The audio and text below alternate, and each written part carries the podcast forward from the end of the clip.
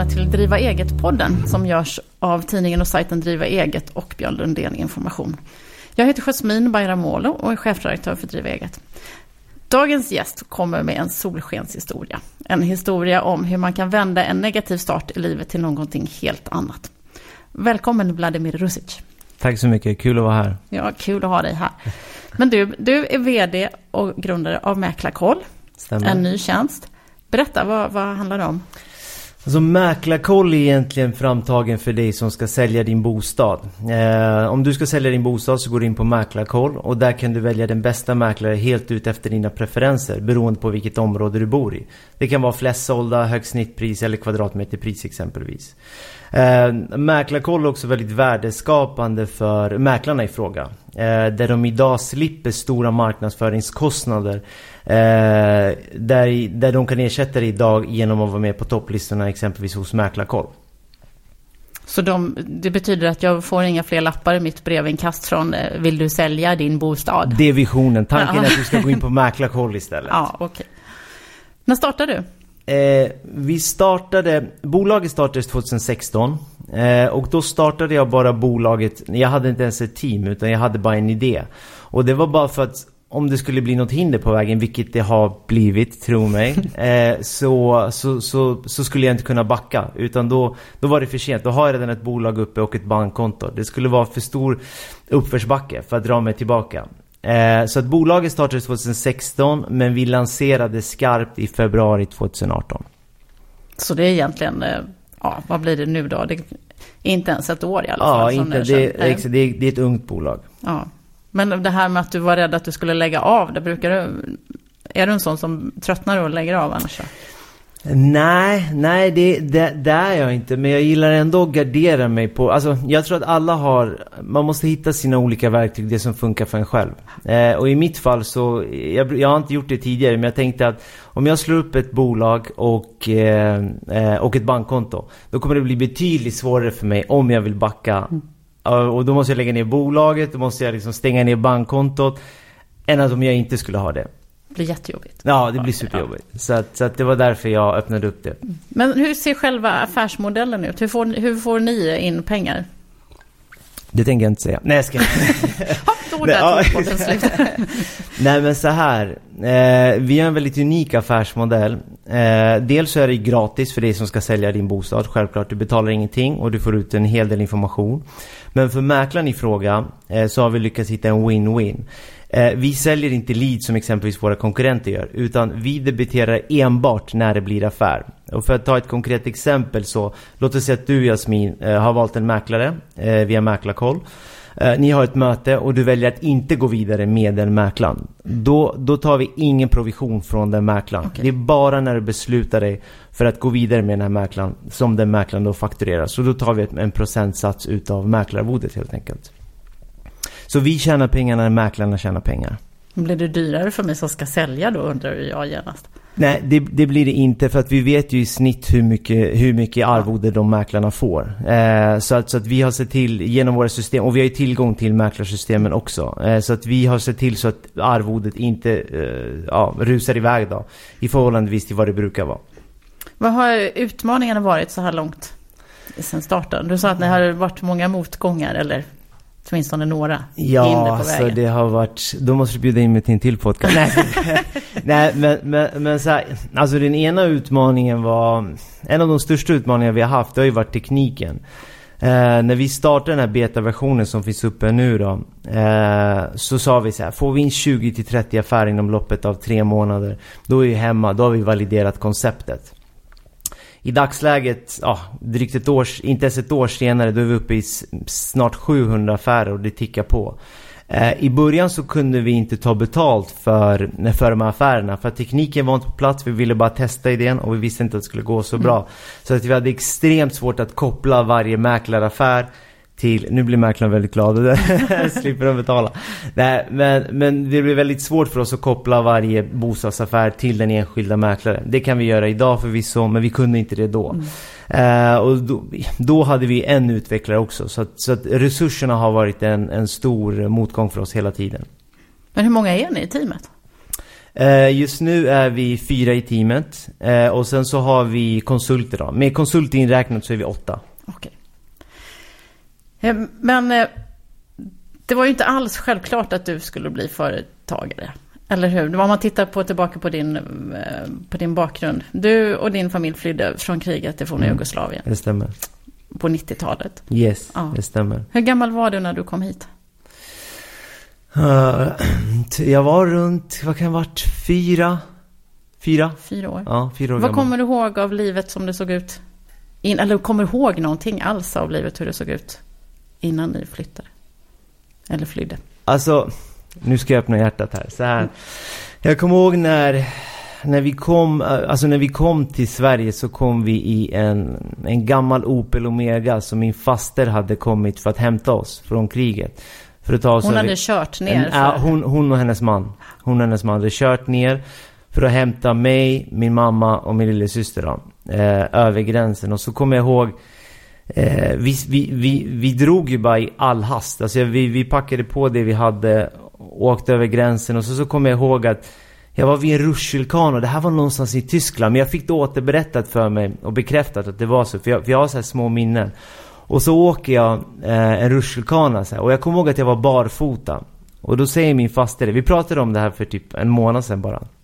Och då säger jag så här, just det, det stämmer, du var barfota. Och så, var, och så råkade vi hitta, alltså det här var helt sjukt, någon sandaler var det. Alltså just det, någon hade glömt sina sandaler så här. Hon bara, det var, hon bara, du drog med dig de där sandalerna och det, alltså de, de passade dig perfekt. Så att jag, Det var som det skulle vara det, det, det, det, det, var, det var meant to be. Så att jag kommer ihåg lite utav sådana minnen just när jag var fyra. Eh, Sen så bodde vi hemma hos dem i Sandsborg då. Eh, under en period innan vi fick en egen lägenhet i, i Farsta.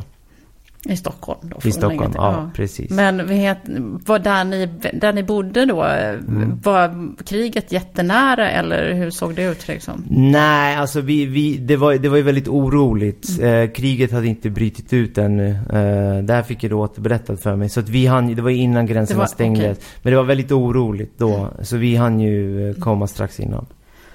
Och så hamnade ni i Farsta till slut. Hur, hur blev livet här då? Ja, alltså, vad ska man säga? Eh, en berg dalbana alltså en Mm. känslomässig berg dalbana Jag kommer ihåg att... Eh, alltså det, För av, din pappa kom också sen, eller hur? eh, min pappa var redan här. Han var redan här. Han var redan här, precis. Eh, jag kommer inte exakt ihåg hur han hade tagit sig hit och varför vi var tvungna att åka två olika vägar, men han var redan här. Eh, och då var det bara min mamma och syster kvar och jag som skulle ta oss över då. Eh, så, men för att besvara på din fråga gällande, gällande Farsta. Jo men det var, där kommer jag ihåg rätt mycket och då, då var jag ungefär 6-7 år gammal, skulle precis börja i första klass. Det var så imponerande, jag kommer ihåg det. Vi kunde gå till en park som heter Forsängen i Farsta och där hade de cyklar och ibland så hade de så här, bjöd, de bjöd på bullar och du vet, och det var ju helt det var ju främmande för Ja. oss. Eh, Så att jag, jag har supertrevliga minnen just från den tiden i Farsta när jag växte upp. Fast det var ganska tuffa tider vi har förstått eh, för dina föräldrar rent ekonomiskt och, och att, att liksom komma till Sverige och, och starta ett nytt liv här. Ja, jo men det var det. var. Alltså så här i, i början så när vi fick en, när vi fick en egen lägenhet i Farsta, jag kommer ihåg att det var, alltså det var supernice. Eh, livet låg mot oss, vi hade fått en egen lägenhet. Innan hade vi fått trängas, jag vet inte hur många det var, sju, åtta pers i min fasters lägenhet i Sandsborg. Eh, Men när vi väl fick det så um, initialt så rullade det på bra. Mamma och pappa hade ju svårt att få jobb så det blev mycket städarjobb. Eh, de jobbade sena nätter. Eh, sen så fick min eh, farmor då rycka in för att hjälpa till för att ja, men ta hand om oss helt enkelt för att de var inte där. Och allting flöt på egentligen rätt så bra. De jobbade de jobbade så bra så att de fick De skapade sina egna kontakt, kontakter. Pappa fick ett jobb som truckförare. Eh, mamma älskade barn så hon fick ett jobb som eh, ja, men dagisfröken. Eh, tills en dag så fick vi reda på att eh, pappa har diabetes. Eh, och han, pappa var lite slarvig med kosten också. Han har aldrig tagit hand om sig. Eh, och jag förstod inte riktigt, riktigt vad det innebar tills, eh, tills en dag så kom han hem från jobbet. Eh, det var strax efter middagstid och eh, han bröt ihop på, vid köket där. Eh, vi åker in till sjukhuset och läkaren kommer ut och förklarar att han har haft en, en hjärtinfarkt och att han måste han måste helt enkelt, alltså han måste ta hand om sig mycket bättre mm. och tänka på vad, både vad han äter och vad han dricker. Uh, och det här, alltså jag förstod att det var, det var rätt illa men, men det som hände senare var att det, det utbröt en händelse utav så här sjukhusbesök. Uh, vi åkte in och ut i sjukhuset där till slut pappa hade något som kallas för sepsis, vilket är en blodförgiftning. Och där man då fick amputera hans ben. Då är det lite svårt att vara truckförare. Då är det lite svårt att vara truckförare. Ja. Under den här tiden då, alltså under den här tiden pappa hade fått jobb och då hade, det var ju, det var ljusa tider som, innan, innan amputeringen självklart. Det var ljusa tider och pappa hade, vi hade fått ett radhus i, i östra Skogås, vilket är de finare delarna i, i, i Skogås. Uh, för de som känner till det området. Och sen så när han blev sjukskriven då förändrades alltså hela läget egentligen. Och som sagt, jag förstod inte riktigt vad det innebar. Det var ju hemskt att se sin pappa på det här sättet. Men, Hur gammal var du då? Alltså nu har jag snabbspolat en del. Nu kanske jag var 15. Mm. Nu, nu har vi liksom flyttat från Farsta. Eh, nu är vi i Skogås, jag har börjat i skolan där. Vi har fått ett eget rum. Vi, i, i, vi har köpt ett radhus, supernice. Trevåningsradhus. På den tiden var det mycket billigare med radhus än vad det är idag. Mm. Eh, och de hade inte tagit höjd för att liksom man kunde bli sjuk och så här. Så det var ju... Eh, det är nog inte så många som gör det nej, heller. Nej, nej, nej, absolut inte. Så att, så att räkningarna staplades ju på hög. De hade ju... De hade två bilar, de hade lån precis som alla andra. Och det här gjorde ju att mamma var tvungen att... Det här gjorde att mamma var tvungen att extra knäcka som mm. städare på kvällen. Så att mamma körde... För att täcka upp för din pappa. För, för att täcka mm. upp för min pappa. Eh, så hon körde på där. Vi, vi, kunde se mamma ännu mindre. Pappa var ju väldigt bunden av sjukhusen. Eh, han körde, till slut så fick han ju dialys. För de som inte vet vad det är så är det ju så här för att hjälpa till eh, njurarna. njurarna exakt, exakt. Han fick njurdialys då. Så att han var ju väldigt bunden vid sjukhuset. Och vi stod, som tur är så stod vi väldigt nära min farmor. Så att hon, hon hade en stor del i mitt liv och hjälpte mig och hjälpt att uppfostra mig och ge mig de värdena jag har idag egentligen. Men hur påverkar det, liksom, för det här slutar ju sen med att ni faktiskt var tvungna att lämna det här sköna radioslivet. Ja, exakt. Eh, mamma, mamma hade en gammal ryggskada. Så att hennes chef ringer och säger så här, hon kan inte fortsätta jobba. Hon har legat och gråtit i städskrubben. Eh, och så hon kunde inte fortsätta på dagiset heller. Och det gjorde ju att hon, alltså det gjorde att hon var tvungen att sjukskrivas. Och inkomsten blev ännu lägre. Så då fick vi sälja radhuset och flytta till, eh, till en mycket mindre lägenhet i Västra Skogås. Och Västra Skogås, där var det ju... Alltså det var inte... Det, det, jag tycker det är jättefint, men det var inte... Eh, det, var, det, det är inte det kanske finaste området i Skogås. Så. Eh, utan det var lite mer nedgånget än vad det var i Östra Skogås. Och där så började man ju liksom... Man kände igen sig hos andra ungdomar i min ålder som också kanske hade sjukskrivna föräldrar. Eh, och som, ja men de hamnade i fel banor helt enkelt. Det var en annan problematik på hemmafronten i, i de familjerna som... Självklart, ja. självklart, självklart, Men hur påverkade det dig och, och din syster liksom, när man ser att föräldrarna... Det, det, det, det, var ett hårt slag ja. mot familjen. Eh, och jag... Eh, Alltså jag försökte göra allt jag kunde för att skydda min, min lillasyster. Eh, samtidigt så, jag fick ju lära mig väldigt tidigt också att eh, om jag vill ha något så måste jag ju så måste jag fixa det själv. Även, just nu så vill jag ju bidra till familjen rent ekonomiskt. Men jag var ju väldigt sugen på, nu vart det, nu är jag kanske 17, jag har alltid velat ha ett körkort, velat ha min egen bil. Och det såg jag att vissa av mina kompisar hade, men jag var inte i något tillstånd. Jag kunde inte gå fram till mina föräldrar och bara hej, jag skulle vilja ha körkort och en bil. Det är ju... Dels så skulle det krossa deras hjärta, men jag vet att de inte kan ge mig det.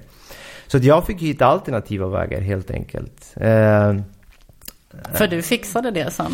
Ja. ja. Och det kanske inte, men kanske inte på de här sätten som, som du skulle föreslå för dina barn att fixa? Nej, nej, nej alltså det, det, det, det, var, det var en liten gråzon så. Alltså så här, jag har ju vänner som har, som har gjort eh, mycket grövre grejer. Och, men det vi gjorde, jag kan, jag kan ju dela med mig av det här. Det vi gjorde, det var ju så här, jag och mina kompisar har varit väldigt bra på att uppmärksamma trender så. Så när vi gick gymnasiet, eh, då hade alla såna här coola Converse-skor och, och man skulle gärna ha dem i olika färger och så. Eh, så då, och de, de ligger idag på ungefär 600-700 spänn, de är rätt dyra. Mm. Så då frågade jag min, eh, min en stor hälsning till dig Jesse, eh, min, min, min kompis Jesse och då frågade jag så här, men det, ja, det, måste finnas något sätt där de inte kostar så himla mycket. Var, var tillverkas de här skorna sen? Och på den tiden, då var inte internet lika utvecklat, så det var inte bara att gå in och googla och kolla vart man kan köpa de skorna, utan utan det var verkligen så här, någon som känner någon, känner vi någon. Och så visade det sig att vi hade en kompis som var asiat, vars morbror eh, bor i Guangzhou i Kina. Och han hade tydligen någon som kunde sälja de här, eh, som kunde sälja de här Converse-skorna superbilligt. Super, superbilligt.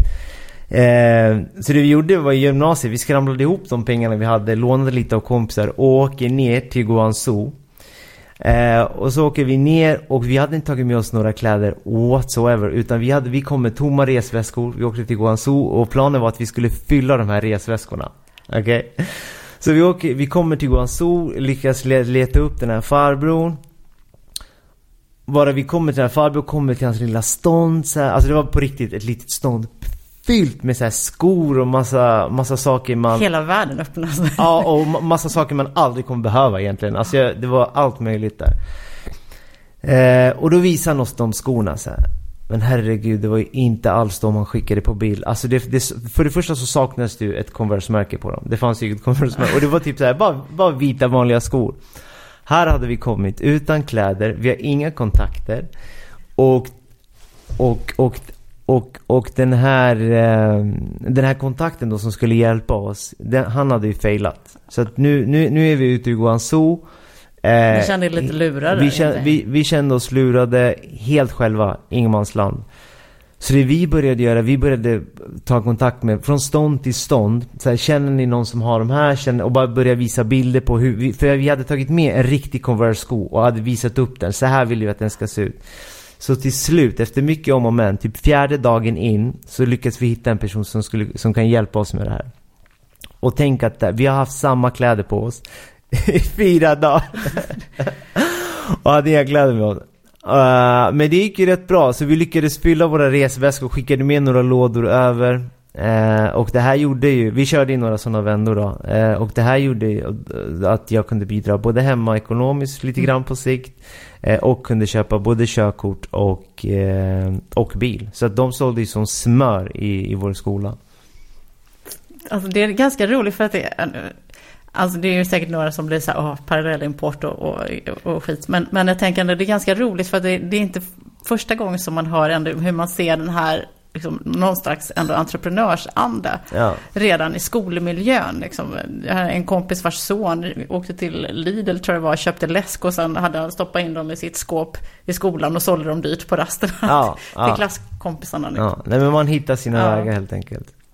Men eh, för där när ni flyttade till Västra Skogås också, så som jag upplever det området, det är ändå ett, ett av de här områdena som man nu idag ser som ett segregerade, eller som man skulle mm. kunna jämföra med andra områden. Mm. Så, och så var det väl till stor del när du växte upp där också, eller hur? Ja, alltså jag kan ju säga så här, det min, min, eh, min mamma bor ju fortfarande kvar där, ja. och min syster då, men jag kan ju säga att det har blivit ännu mer segregerat mm. än vad det var då. Eh, på den tiden så hade man ändå någon form av eh, gemenskap. Uh, nu så känner, det, det, är inte många man känner igen där. Uh, och det har blivit extremt, extremt ned, nedgånget mm. än vad det var förut.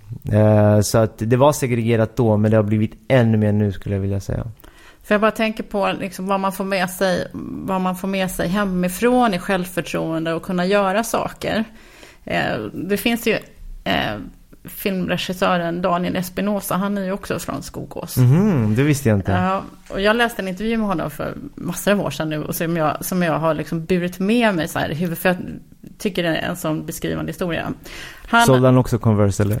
nej, han sålde inga Converse. Men eh, han hade ju också en strulig uppväxt och, mm. och, var liksom, hade kompisar som kanske inte gjorde jättebra saker. Mm. Eh, hans mamma lyckades på något sätt bryta det där genom att fixa in honom på Sigtuna internatskola. Liksom, mm. Från då det här ytterstadsområdet med segregation rakt in i överklassen. Mm. Liksom verkligen så här kulturkrock. Då från den ena dagen till den andra. Men, och, och då var det några saker där som jag fastnade för när han berättade om, om och det ena var att då, för det blev ju en sån, ja, det blev verkligen kulturkrock när jag mötte de här barnen från helt andra uppväxtförhållanden och sådär. Och, och då var det någon som hade frågat honom då, vad drömmer du om att göra när du blev stor typ? Och så han svarade, ja, öppna café kanske så här. Mm. Och så den här mm. killen tittade på honom som, men vadå öppna café? Det var väl inget att drömma om, för det var väl bara att göra. Mm. Liksom, att, men att man, att man tänjer lite grann på gränserna. Ja, att då, för där någonstans så öppnades ju någon slags väg till att drömma större. Mm, mm. Eh, för att, och, och, nu är han ju liksom välrenommerad filmregissör i Hollywood. Mm. Nu har, han ju tänt ja, har det gått så jäkla? Det har inte jag haft koll på. Jo. Han är i Hollywood nu. Ja, ja, han har varit där liksom wow. länge. Och det tycker jag är en ganska fantastisk grej. Så här. Men det som han sa som fanns i Skogås som överklassbarnen inte hade på samma sätt. Det var ju de här nära kompisrelationerna mm. och att alltid finnas där för varandra. Så mm. han jobbar ju fortfarande med kompisar mm. som han fick i Skogås. Mm. Så har jag fattat mm. som. Ja, men det, det, det, det, känner jag igen. Alltså, så är det ju för mig också. Alltså, jag har några extremt nära vänner i min krets som har följt med mig ända sedan just Skogåstiden. Då, ja. eh, som jag har daglig kontakt med. Liksom. Så att eh, jag kan känna igen mig i det, absolut. Men hur såg dina drömmar ut? Eller vågade du drömma då? För det är det som jag kan känna ibland att jag tror att min bild är att många kanske inte riktigt vågar drömma. Alltså, jag ska vara helt ärlig och säga att eh, jag visste att det fanns någonting inom mig som ville någonting mer. Men jag kunde inte sätta fingret på vad det var. Om jag skulle bli en superentreprenör, om jag skulle bli en rockstjärna eller brand... Jag, jag, jag visste inte vad det var. Men jag visste att eh, jag ville inte ha ett vanligt 9 5 jobb. Mm. Eh, utan Dels för att jag har problem med auktoritet. men, men, men dels för att jag, eh, jag ville vara kreativ. Jag ville skapa någonting själv. Eh, så att jag sa, jag, så här, min pappas dröm för mig, jag kommer ihåg det. Jag vet inte varför, men han ville alltid att jag skulle bli en elektriker. Jag vet inte varför, var han fick det ifrån. Eh, så jag, jag gick E-linjen där ett tag enbart för att liksom... Eh, ja, men vara på god... För att göra pappa glad. Men jag märkte ganska snabbt att det var inte det jag ville göra. Eh, men jag kunde inte sätta fingret på vad det var. Men det var, det var ju först då när jag eh, började liksom med, med mina entreprenörsdrömmar som jag för första gången i mitt liv kände så här, Gud, jag har hittat hem. Alltså så känner jag verkligen. Och så har jag aldrig känt för något annat. Men när, när började du känna de drömmarna då? Uh, Alltså det var när jag hade, ungefär när jag hade mitt första bolag. Jag ägde ju en tatueringsstudio innan också. Jaha, det visste inte jag. Ja, en, tatu en tatueringsstudio ute i Hagsätra. gick ganska bra. Eh, hade den ju drygt över ett år. Eh, och det var första gången jag, eh, jag hade ett eget bolag. Och då fick jag bestämma mina egna tider. Jag insåg verkligen värdet av att jobba hårt. Eh, fick lära mig allt ifrån eh, marknadsföring och ja, med bokföring, you name it. Eh, men då kände jag att det här vill jag hålla på med hela livet. Eh, men så här, det, det, är inte, vissa tycker att jag är galen, det är inte för alla. Men för mig så var det, det var hem, verkligen. Och så har jag känt sedan dess. För dessförinnan, Tänk, då så hade ju du faktiskt sökt en himla massa jobb också. Ja, gud ja, gud ja. Alltså, 500 har jag hört. Ja, alltså om det inte var... Det, det låter ju väldigt mycket så här, jag har tänkt på det. Men om du tänker så här, om du är aktivt arbetssökande och söker 5-10 jobb fem dagar i veckan. Alltså då, då är du uppe i 50 jobb på en vecka egentligen. Mm. Eh, så det går ju rätt fort att komma upp i det. Men, men ja, alltså jag tror att det var mer än 500 jobb. Eh, och vissa fick man inte ens svar på. Några var så här, tack de som var schyssta sa tack för din ansökan, vi har gått vidare med en annan kandidat. Då var de supersnälla. eh, men, men det var liksom inte mer, mer än så. Jag hade ingen erfarenhet. Jag hade, ingen, jag hade, inte, jag hade haft lite ströjobb innan jag kom ihåg att jag eh, skottade tak någon gång när eh, eh, med några papperslösa så som, eh, ja det är sant, det är helt sjukt. Jag kommer ihåg det, vi, vi skottade tak och det var på någon skola Eh, och så frågade jag dem, så här, vi, vi, kunde ju kommunicera väldigt dåligt och så frågade jag så här, kan du, kan du knyta de här repen? Så här, och det var oklart om de kunde det eller inte. Men vi lyckades på något sätt få till de här repen. Det var ju livsfarligt. Ja. Jag brukar tänka, det kunde ju gått hur som helst. Men det var lite ströjobb och det är ingenting man, eh, det var ingenting jag kunde mm, förlita mig på i framtiden. Men du lyckades ju få ett jobb till slut. Ja. Också en rolig historia. Ja, vad, vad hände där? Nej men så här. Eh, alltså det som hände var att eh, jag sökte i alla de här jobben där man inte har egentligen någon krav på varken utbildning eller erfarenhet. Och då var det mycket, eh, det var allt ifrån lagerjobb, telemarketingjobb och som sagt jag fick inte så jättemycket svar. Eh, och jag tröttnade på det helt ärligt. Eh, så då pratade jag med min fru och säger så här, Som inte var din fru då? Nej, då, nej, då var min flickvän. Då var min flickvän. Eh, och säger så här, vad är det jag behöver göra för att få ett jobb? Så här. Och, då, och då sa han så här, men kan inte vi, kan inte vi bara vända på hela skriptet? Så här, vad är du bra på istället? Så då började vi samla mina styrkor och mina styrkor var ju så här, jag kan försäljning. Trots att jag inte jobbat med det så jag, jag vet att jag, jag kan övertyga folk. Det, det hade jag alltid med mig. Eh, jag kan relationer och jag är alltid nyfiken på att träffa nya människor. Så då började vi söka jobb inom den här kategorin. Eh, och jag hade, jag hade alltid varit intresserad. Åt säljhållet alltså? Ja, ah, alltså det var lite så Key Account Manager, det var så här storkundsansvarig, eh, in, säljare också, absolut. Eh, och då, hade jag, då skickade jag ut massa CV till de här, till de här bolagen.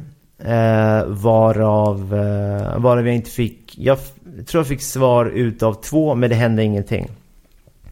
Och då var det ett specifikt bolag som hade, haft, som hade sin annons återkommande. Och det var en Key Account Manager-roll. Eh, det var ett IT-bolag inom SAP. Eh, så att, så det som händer är att jag kontaktade bolaget och sa Hejsan, jag har skickat in, eh, skickat in ett CV på, ett, på en kandidat. Jag ringer från ett rekryteringsbolag. Eh, och då hade jag pratat med vdn och sa nej men det har jag missat. Så ja men skulle vi kunna sätta upp ett möte för att jag har eh, för att jag har uppmärksammat att jag har haft den här rollen ute länge och ni har inte kunnat tillsätta den. Jag vet en person som skulle kunna passa er som handsken, säger jag. Ja men självklart, om du kan hjälpa oss lösa det här problemet, inga konstigheter. Eh, är du snäll och skickar en möteskallelse, säger han då till mig. Ja men självklart gör jag det, säger jag. Tack, tack, tackar för mig. Då kom vi överens om en tid. Och så, och så, så när vi har lagt på sann historia, så bara kollar jag på datorn och bara hur fasiken skickar man en möteskallelse? jag, jag hade, anade att den skulle gå. jag hade aldrig nej. gjort det för och det var inte så att när man skulle gå och hänga med grabbarna i förorten man behövde skicka möteskallelse. Nej, det, är istället, det var inte att det var svårt utan jag hade bara inte gjort det. Uh, så då hjälper min dåvarande flickvän mig med den här möteskallelsen, skickar vi iväg den. Och så kommer dagen D. Eh, så kommer jag dit, eh, plingar på, ja men plingar på liksom portdörren där. Eh, och säger så här, hej Vladimir heter jag, jag ska träffa den och den. Och så säger de så här, hej Vladimir, ja han har väntat på dig. Och du vet, det här skapade ju en sån stress i mig. Har de väntat på mig? Alltså det var ju, det var skräckinjagande. Så går jag upp för den där runda spiraltrappan, steg för steg och jag börjar känna hur hjärtat bultar. Och jag, nu behövde jag lugna ner mig för att nu har jag sagt att jag är från ett rekryteringsbolag. Jag har inget rekryteringsbolag. Utan jag ville bara komma in på den här intervjun. Så kommer jag in, öppnar dörren och så möts jag utav en massiv, massiv träreception. Alltså en massiv, med, med två receptionister på vardera sida. Alltså jag kommer ihåg den där receptionen, den, den, var så här blank furuträd. Alltså det kändes som att någon har stått och polerat den halva natten strax innan jag kom. Alltså verkligen, det var så jättelyxigt ut. Och hela kontorslandskapet såg så himla lyxigt ut. Och jag kände något inuti. Krympte du där lite då eller? Alltså ja, minst sagt, minst sagt. Det var... Jag blev taggad men samtidigt så... Det var någonting inuti mig som sa så här, Vladimir, här ska du jobba. Jag var, jag var, jag, det, det, det taggade bara till i mig sen. Och så frågade de, vill du ha något att dricka Vladimir? Ja men det kan jag ta. Så. Det här var ju helt nytt för mig. Bjuder, alltså de bjuder mig på något att dricka. Det var ju helt... Det jag, ja, det fick man ju inte när man skottade ett tak liksom. Utan där fick du en sele och bara upp och, upp och klättra. Hur som haver så kommer den här personen ut. En medelålders man. Och säger, hej Vladimir. Ja men tack för att, tack för att du kunde komma. Men tack själv så här. Och så kommer han och så sätter vi oss i det här mötesrummet då. Och så inleder han direkt här, du hur kan du hjälpa oss tillsätta den här rollen? Supertrevlig. Jag var ju så pass uppe i varv. Jag var inte i något tillstånd för att tillsätta några som helst roller kan jag säga. utan utan jag, jag, jag, jag, jag behövde en två minuter för att varva ner. Och då säger jag så här, kan inte, kan inte du dra lite grann eh, och vad exakt det ni gör så att jag kan presentera rätt kandidat? Ja men det kan jag göra, säger jag. Så kliver han upp ur sin stol och kör en dragning på 20 minuter och processer och strategier och kunder och hela den här biten. Och så hade han sagt, jag hade uppmärksammat att han hade sagt så ja men den kunden som vi söker den här kandidaten till, den är väldigt missnöjd då vi inte haft någon eh, som har kunnat vårda den här kunden och kunnat haft den som en kontakt. Men det är, en väldigt, det är ett stort konto och kontot är ungefär värt 12 miljoner. Eh, och det gjorde, det, det gjorde inte mig mindre stressad kan jag säga när jag hörde de här 12 miljonerna. Uh, litet steg från Converse-skor. Exakt. Uh, så då sätter han sig ner igen och säger då så Vladimir, hur kan du hjälpa oss? Och så var, och nu, så här, nu visste jag inte, jag, jag, jag, jag var så nervös, men som sagt, det var någonting i mig som taggade till och jag ville jobba där. Så jag säger det, utifrån det du har berättat här för mig då så söker ni en person som, som kan människor, som kan försäljning och som är förtroendegivande. Och ni behöver tillsätta den här personen ganska ASAP. Det behöver vara tillgängligt för att då den här kunden är... Eh, alltså själva relationen håller på att bli ganska infekterad som jag förstår. Exakt så säger han. Ja, men då vill jag, då sa jag det, ja, den kandidaten som, som ni söker efter, eh, den, den ser ni framför er. Det är jag. Jag skulle vilja presentera mig själv som en kandidat. Hur, hur blev reaktionen då? Alltså, jag... Som, alltså, jag, det var någonting i luften som gick. Och som jag sa innan, alltså det, det gick inte att ta på. Antingen så tyckte han att jag var supermodig och briljant. Eller så tyckte han att jag var ett yrväder. Det var något utav de två. Jag visste inte vilket håll liksom, eh, alltså vart det här mötet skulle luta åt. Sen så säger han så här, men jag trodde du kom från ett rekryteringsbolag. Ja, men det är ett enmansbolag ser eh, och sen, men har du någon erfarenhet utav det? Och så, nej men inte direkt, men det du söker efter är de här egenskaperna. Och de egenskaperna har jag, allt annat kan man lära sig. Eh, och så började jag sälja in mig själv lite mer så här. Och så, och så kliver han upp, tog mig inte ens i handen och sa ah, men Vladimir nu måste jag iväg på ett annat möte. Tack så jättemycket för din tid och tack för att du kom. Så här. Och det här var en kall... Jag, jag, jag, skulle inte få jobbet. Jag såg, han, han, han sträckte inte ens fram handen då. Eh, så innan, precis när jag var på väg ut genom dörrglipan och säger så här, Vänta! Säger jag till honom. Jag har ett erbjudande till dig. Så Ja, vad, vad är det för erbjudande? Jag har varit i kontakt med era konkurrenter, så här, vilket inte är sant. eh, och jag, jag, har, och jag hade forskat lite grann, lyssnat på deras webbsida, gått igenom deras vision och hela den biten. Eh, ni har en kund där som, där relationen har blivit väldigt infekterad. Eh, jag kan hjälpa er liksom och, och eh, stärka er vision, både med kunden men också gentemot affärsområdet. Eh, och jag skulle vilja erbjuda dig en deal eh, som gör att eh, det är riskfritt för er. Ja, vad är det för deal då, säger han. Om ni väljer att anställa mig eh, så är jag villig att jobba två månader gratis under förutsättning att jag går med någon senior person. Tycker ni inte att jag har levererat under de här två månaderna så eh, då behöver ni inte betala mig någonting. Tycker ni, att jag, tycker ni att jag har levererat och vill ha kvar mig då kan ni betala mig de här två månaderna retroaktivt. Den dealen kommer du inte få av någon annan, sa jag till honom. Och då fick jag se ett litet leende. Och så sa han så här, jag ska bolla det här med mina konsultchefer, jag återkommer i veckan, sa han. Tack, tack. Och då var det mötet slut. Så går jag ner, så ringer min eh, dåvarande flickvän då. Och så hur gick det? Och mitt svar, jag kommer ihåg det som igår. Och mitt svar var, jag har ingen aning. Det kunde gått, alltså det kunde mm. gått åt alla håll och kanter.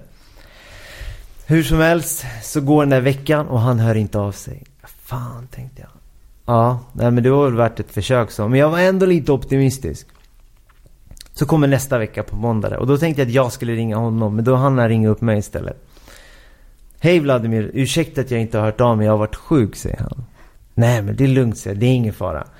Fast du har svettats hela veckan? Hela veckan, hela veckan. Och så säger han så här, du jag har pratat med mina konsultchefer om det här. Och jag ville bara meddela att två månader, det är tyvärr alldeles för lite. Jag ville bara säga det. Så. Han la upp det så. Och det här var en kalldusch, jäklar. Alltså det här, det var... Jag, då tänkte jag så här, varför ringer han mig? För han kunde ju bara mejlat då. Och så säger han så här, men om du vill jag gå med på fyra månader. Då har vi en deal. Oj, oj, oj. Jag kände, alltså det var, det var ju sån lyckorus. Jag kände mig som, Har ni sett John Travolta i Saturday Night Live?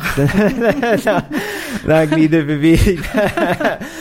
uh, ungefär så kände jag mig. Uh, så att... Uh, jag var superglad, men jag visade inte liksom, jag visade inte hur glad jag var utan jag var mer såhär, men ni har gjort helt rätt val, ni kommer inte ångra Klick! Och bara ett lyckorus, jag var superglad. Samtidigt fyra månader är lång tid.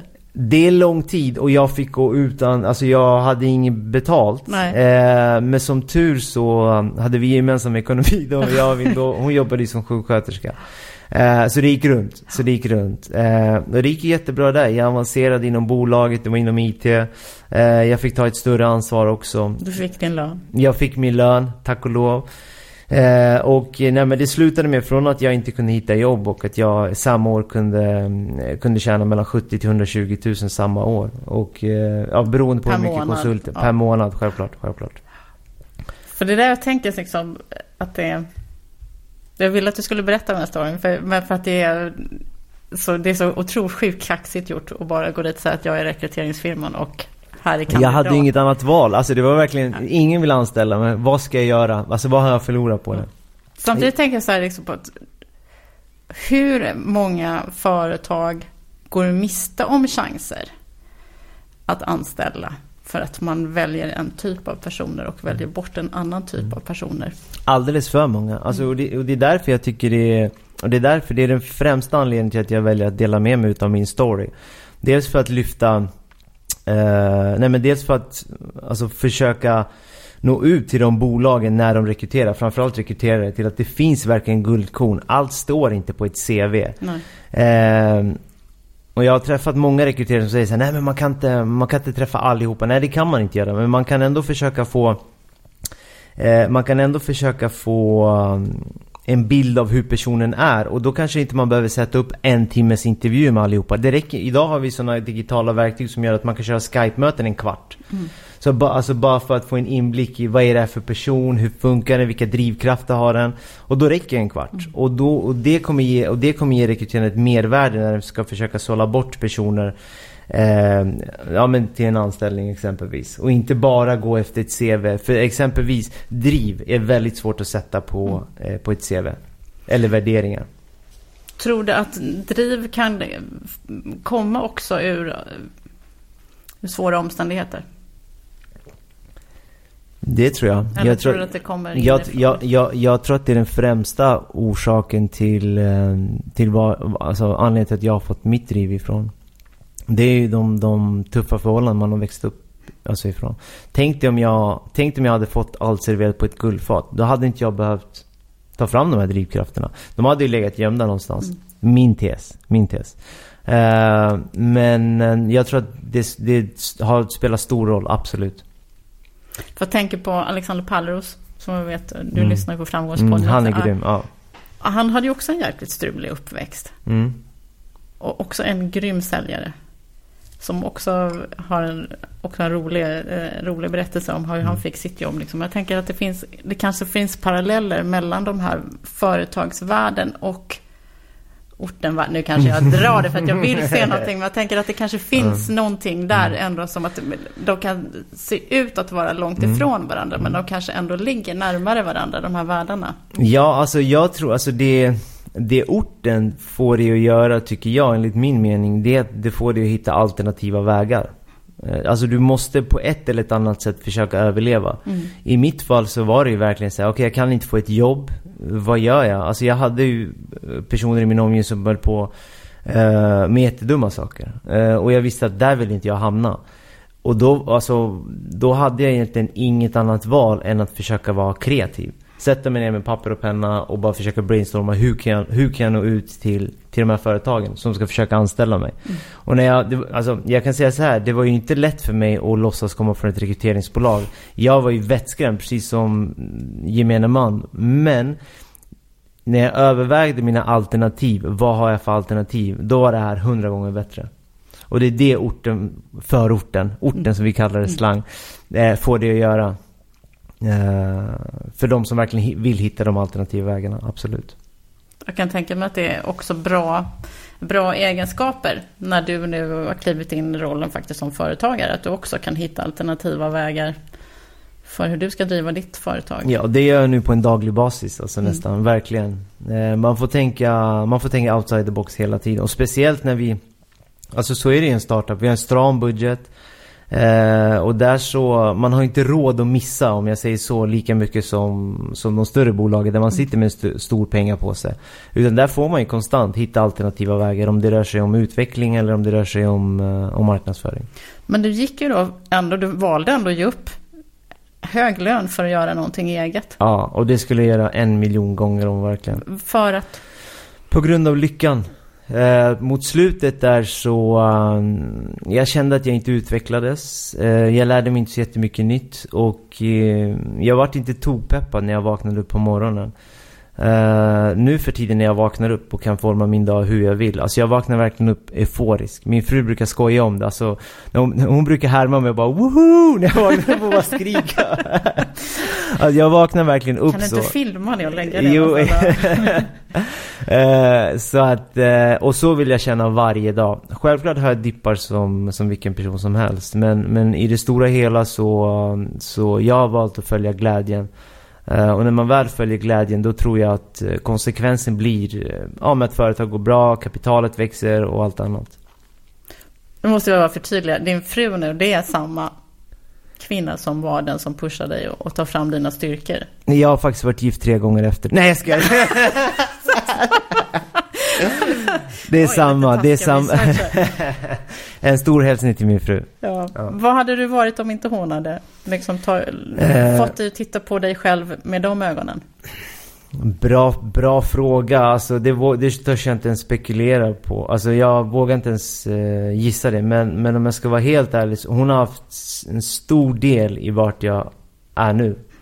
Uh, för att hon inspirerade mig. När jag väl träffade min fru så... Uh, hon är klar läkare nästa år. Hon, hade precis på, hon skulle precis påbörja sin läkarutbildning. Hon hade nästan samma bakgrund. Hon är från Rinkeby. Uh, två sjuka föräldrar. Men, men, men var verkligen på väg någonstans. kom in på läkarlinjen. och det inspirerade mig. Och då tänkte jag om hon kan, varför kan inte jag? Och hon pushade mig extremt mycket. Och det var ju hennes idé det här med eh, att kartlägga mina styrkor och söka jobb där, där vi inte hade sökt förut. Eh, så att hon är en stor inspiration för mig. Men sen var det ju också, fattar jag det som, att det var ert gemensamma bostads... Eller era gemensamma bostadsaffärer som gjorde att du faktiskt till slut handla, hamnade på Mäklarkoll. Ja, exakt, exakt. Eh, vi bodde på Gullmarsplan. Eh, och frugan var då gravid. Vi hade precis fått reda på att hon var gravid och vi bodde i en liten etta i Gullmarsplan. Eh, så då var det läge för, för oss att sälja. Men det var ju så pass dyrt i, i Gullmarsplan så vi flyttade ut lite. Så började jag kolla på nätet, okej okay, någon som känner någon mäklare. Eh, bara la ut det på Facebook, kollade på vissa jämförelsetjänster. Men det fanns inga konkreta utan det var mer så offertbolag. Man, man skriver in sin adress och får en massa offerter på någon mäklare man inte känner till egentligen. Eh, och det kände jag var lite sådär så då gick vi ner till det lokala mäklarkontoret. Eh, träffade någon där och då kände jag att den första som kom och sa hej, det var inte riktigt, eh, kemin var inte där helt, helt enkelt. Och då, han ställde lite frågor, hur mycket vill ni sälja för? Och då sa vi, ja men ungefär si och så. Ja men det blir, ja, det blir väldigt svårt, men vi får se. Men jag sålde grannlägenheten för så här mycket, det ska ni inte förvänta er. Väldigt dålig energi så. Sen gick vi till, ehm, till grann, alltså deras konkurrenter då i när, närområdet. Träffade en bra mäklare kändes det som. Vi bestämde oss för att ha en visning. Och eh, då säger jag till den här mäklaren, ja men vet du vad? Här är nycklarna till vinden om de behöver fråga. För det var det vi frågade om när vi skulle flytta till Älvsjö. Eh, vi ville ha mycket, mycket utrymme. Så då ger vi de här nycklarna. Eh, de har visning, inga konstigheter. Men jag är så här kontrollfreak. Så då, så då ber jag min bästa kompis eh, komma på den visningen. Så då går jag och hämtar honom. Vi parkerar precis utanför. Och då säger jag så här, du kan inte gå, du gå ut på den här visningen och bara kolla hur mäklaren agerar. Ja men självklart säger han. Så går han upp och jag väntar i bilen ungefär 20-25 minuter. Så kommer han tillbaka och han är all... Och jag har känt den här personen väldigt länge och jag vet när han är arg. Han är alldeles illröd i ansiktet. Och är asförbannad när han sätter sig i bilen. Och du frågar vad är det som har hänt? Det var den sämsta mäklaren sen. Han kollade i sin mobil, folk hade frågor. Han svarade lite kort på dem. Så frågade jag, skulle jag kunna kolla för, på vinden? Och då sa han så här, "Nej, men jag har inte nycklarna. Vilket jag hade lämnat. Eh, Det är lågt. det är jättelågt. Eh, så ringde jag upp den mäklaren med detsamma, rev det kontraktet. Eh, och så säger han, samma polare till mig, så här, men jag kanske känner en mäklare. Eh, han verkar inte inom området, men jag har hört att han ska vara bra. Den mäklaren i sin tur kunde, och nu, nu var det ju press, så vi, behövde, vi hade redan köpt vår lägenhet så vi behövde vi sälja för att ha kontantinsatsen till vår kommande lägenhet. Eh, så nu var det väldigt mycket press och det sa vi till den nya mäklaren då som vi var då anlita. Eh, den mäklaren var så pass grym så inom en vecka så hade han sålt lägenheten eh, och fixat allt med pappren och pengarna var på kontot. Men inte nog med att han hade sålt den. Eh, vi, på den första mäklaren så hade vi fått ett grovt underbud. Med den här mäklaren så fick vi 450 000 mer. Alltså 450 000 mer än vad, vi, än vad som var vårt acceptbud. Vilket så, alltså jag blir så här, jag kan fortfarande då känna mig jättearg över en dålig försäljning som vi gjorde för tio år sedan. För man bara kände så här, ja men tänk om, tänk om det bara handlade om den personen liksom. Ja. Och det var ju så mäklarkoll kläcktes egentligen så här. Och bara shit, det måste ju finnas något enklare sätt att, eh, eh, att kunna jämföra mäklare. Så gick jag och sög på den här karamellen ett tag. Sen så var vi, det jag verkligen bestämde mig för det var när vi var på en middag. Eh, och så var jag där med mina, min frus vänner och så här, så ja, det var ett 20-tal personer. Så sitter jag bredvid en småbarnsfamilj. Supertrevliga. Och de berättade att de hade varit ute i Järfälla. Eh, och, eh, eller de hade köpt en villa ute i Järfälla, hade lagt alla sina besparingar på den här eh, villan då. Flyttat in från en hyresrätt. Och det visade sig sen att de, eh, den villan hade en eh, fuktskada. Eh, och det hade mäklaren vetat om. Så nu har de hamnat i en tvist och de kan inte bo kvar där. Eh, och hon tyckte att hade den här tjänsten funnits innan då hade man i alla fall haft lite mer kött på benen alltså. Mm. Eh, och det var där egentligen jag beslutade mig för att ja, det är inte bara liksom en jämförelsetjänst så som folk kallar det. Alltså på sikt så löser vi lite grann ett samhällsproblem för hur många hushåll är inte belånade idag? Och det här är ett jätte, jätteviktigt köp. Alltså det är en av de största man gör, alltså den största affären man gör i ens liv. Eh, och det finns ju jämförelsetjänster för nästan allting idag. Min fru satt häromveckan och, och jämförde locktångar i tre timmar. Men den största affären i ens liv liksom, det finns Ja. inte. Så att, det, så att här såg vi en lucka och valde att fylla det med mäklarkoll. Hur, vad ser du, eh, liksom, om du tittar framåt? Var, eh, hur ser det ut för er om, säg, tre, fyra, fem år? Vad har du för visioner? Eh, alltså så här, vår, vision, vår kortsiktiga vision just nu är att stärka varumärket ännu mer eh, på svensk mark. Och eh, den svenska marknaden ser vi lite grann som en proof of concept. Där vi ska testa och validera idén och utveckla den ännu mer. Men vi har redan nu siktet inställt på både den som jag nämnde innan här, innan vi började podden. Både den spanska marknaden och den portugisiska marknaden. Eh, så att det blir väl att skala till nästa land. Och när tänker du det? Hur, är det inom några år bara? Eller? Alltså vi hoppas så här, vi hoppas att vi har, eh, eh, vi har klivit i land i Spanien om cirka tre år, absolut. Men för jag har förstått så det finns folk som vill vara med på den resan. Eh, som vi var med, Investerare som... Ja, alltså, ja nu är det så. Nu, Nu det så. nu, nu, nu vill ju folk vara med, absolut. Och nu har vi ganska tunga namn, alltså, tunga namn i vår styrelse. Vi har ju bland annat Liv, eh, ordförande för Livit-profilen, Henning Råba som är med på styrelsen. Vi har ehm, eh, Torbjörn Kjaregard som har grundat Kundkraft, sålde till Schibsted för jag vet inte hur många miljoner. Eh, är med i bolaget nu också. Så att det är klart, när man får med sådana namn så blir det ju automatiskt intressant för andra investerare att investera. Men så var det inte i början. Folk men ville det- inte ta med alltså de ville inte ta i oss med tång. För att de trodde inte att det här skulle fungera. De trodde inte att mäklaren skulle tycka om den här tjänsten. För att den är så pass transparent. Men tvärtom, mäklaren älskar det och ser det som en annonsplattform för dem. Så att, så, att, så att man slipper få de här bästa slutpris i bästa Haninge i brevlådan. Utan nu kan man gå in på Mäklarkoll istället och kolla det. Men när du gjorde dina första affärer, kommer du ihåg hur gammal du var då? Ja men det gör jag. Eh, jag, hade inte, jag hade inte börjat i första klass men jag var runt 6-7 år där och jag kommer ihåg att eh, jag var på väg till affären och det var inga konstigheter. Pappa bad mig köpa eh, cigaretter till honom och på den tiden så fick man göra det. Man behövde inte ha någon lapp. Det här var mer än 20 år sedan. Så jag är på väg, hade min svarta Donald Duck cykel och eh, Så är det en granne till mig eh, som kände mig sen tidigare. Jag var den ungen på gården som bara cyklade runt så här. Och då frågade han mig. Du Vladimir, ska du, ska du till affären? Ja, det ska jag. Kan inte du köpa cigaretter till mig också? Jo, det kan jag. Så gav han mig pengar. Så går jag ut för det han vill att jag ska göra, kommer tillbaka och så ger han mig... Och så ger han mig växeln. Och så säger jag så här, ska inte du ha de här? Nej, nej, det är, du får det här för servicen. 50 spänn hade jag fått.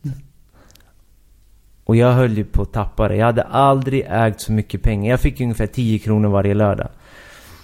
Eh, han var en hel månadslön. Ja, alltså det var en hel månadslön för mig. Det var ju helt galet. Och så går jag hem och berättar det för mamma och pappa. Och de säger ja vad roligt, så här, kul att du kunde hjälpa till. Och då frågar jag, vad är en service? Och så förklarar de till mig. Jo men en service är när du hjälper någon och så kan du få betalt. Lite så.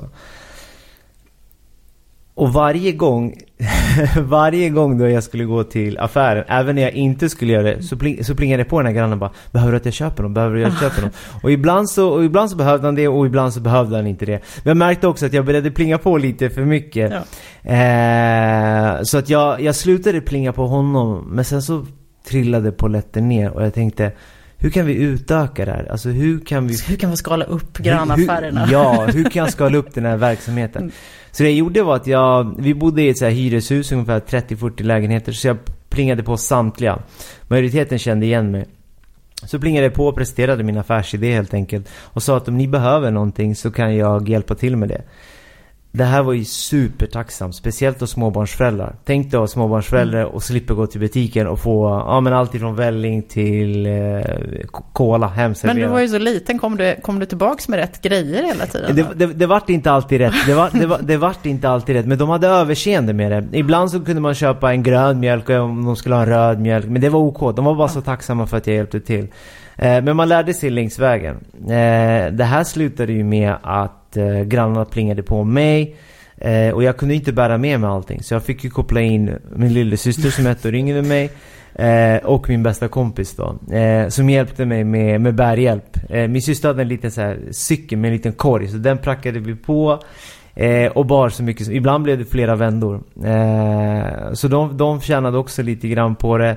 Jag tjänade så pass bra på det så att jag kunde köpa min alldeles egna Super Nintendo. Och det var målet med det. Till slut så satte mina föräldrar ner foten och sa Nu, nu tar vi det lugna. De kände sig lite obekväma att grannar började Aha, plinga okay. på mig. Eh, och ville att jag skulle handla åt dem så. Så de avbröt den verksamheten. Men det gick ganska bra och det, och det lärde mig värdet av att skapa värde för andra där konsekvensen blir pengar. Du var en föregångare i gigekonomin helt enkelt. Ja, jag var före min tid. Jag ja. hade anställda redan på den tiden. Ja. så det var kul.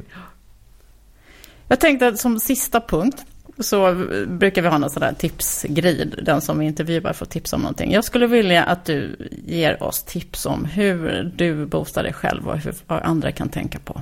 Mm. Hur ger du dig själv energi? För det första så måste du omge dig med folk eh, som ger dig rätt energi. Eh, jag brukar alltid säga så här, eh, omge dig med folk som gör att du vill springa efter att du har träffat dem. Och vad menar jag med det? Jo, när jag brukar träffa de så positiva personer efter att jag varit, haft ett möte med dem eller bara träffat dem Jag har så mycket energi över så att jag kan inte sova utan jag måste ställa mig på löpbandet och börja springa. Jag har sån överskott av energi, positiv energi. Och det är sådana människor man ska omringas utav.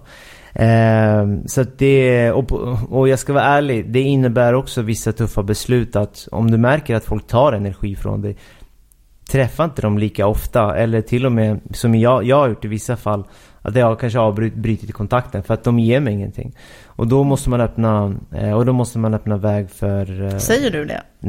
Eller, eller drar du dig ur? Nej, så här, jag är brutalt öppen. Jag ger ju dem chansen att förändra. Så jag säger så här, eh, om, om den personen klagar över något dag in dag ut, då försöker jag komma med lösningar oftast. Eh, och hjälper inte det, då säger jag så här, då brukar jag adressera så här, ja men du, jag, jag, känner mig väldigt dränerad efter att vi, alltså efter att vi har, vi har hängt. Är det någonting jag kan hjälpa till med? Hur kan vi vända på det här? Sen beror det på, vissa tar åt sig. Men andra, kan, men andra tycker att det är bra att man är så rak och, och vill att man ska hjälpa dem på något mm. sätt så. Eh, så det beror på vem det är man stöter på. Men visst, det har ju varit många som man, har, som man inte har kontakt med idag. Och en person, alltså jag kan säga så här, mm, Börshajen känner ni till, andra mm. faran. Det är en jättenära vän till mig. Eh, hon är en sån person som, eh, alltså man, man måste springa ruset av sig efter att man har träffat henne. Hon är fantastisk, alltså verkligen. Uh, så att hon är, hon är en stor inspiration för mig också, måste jag säga. Så att det är sådana människor man måste omge sig utav. Uh, inga energitjuvar. Så det är tips nummer ett. Det var tips nummer ett. Ja.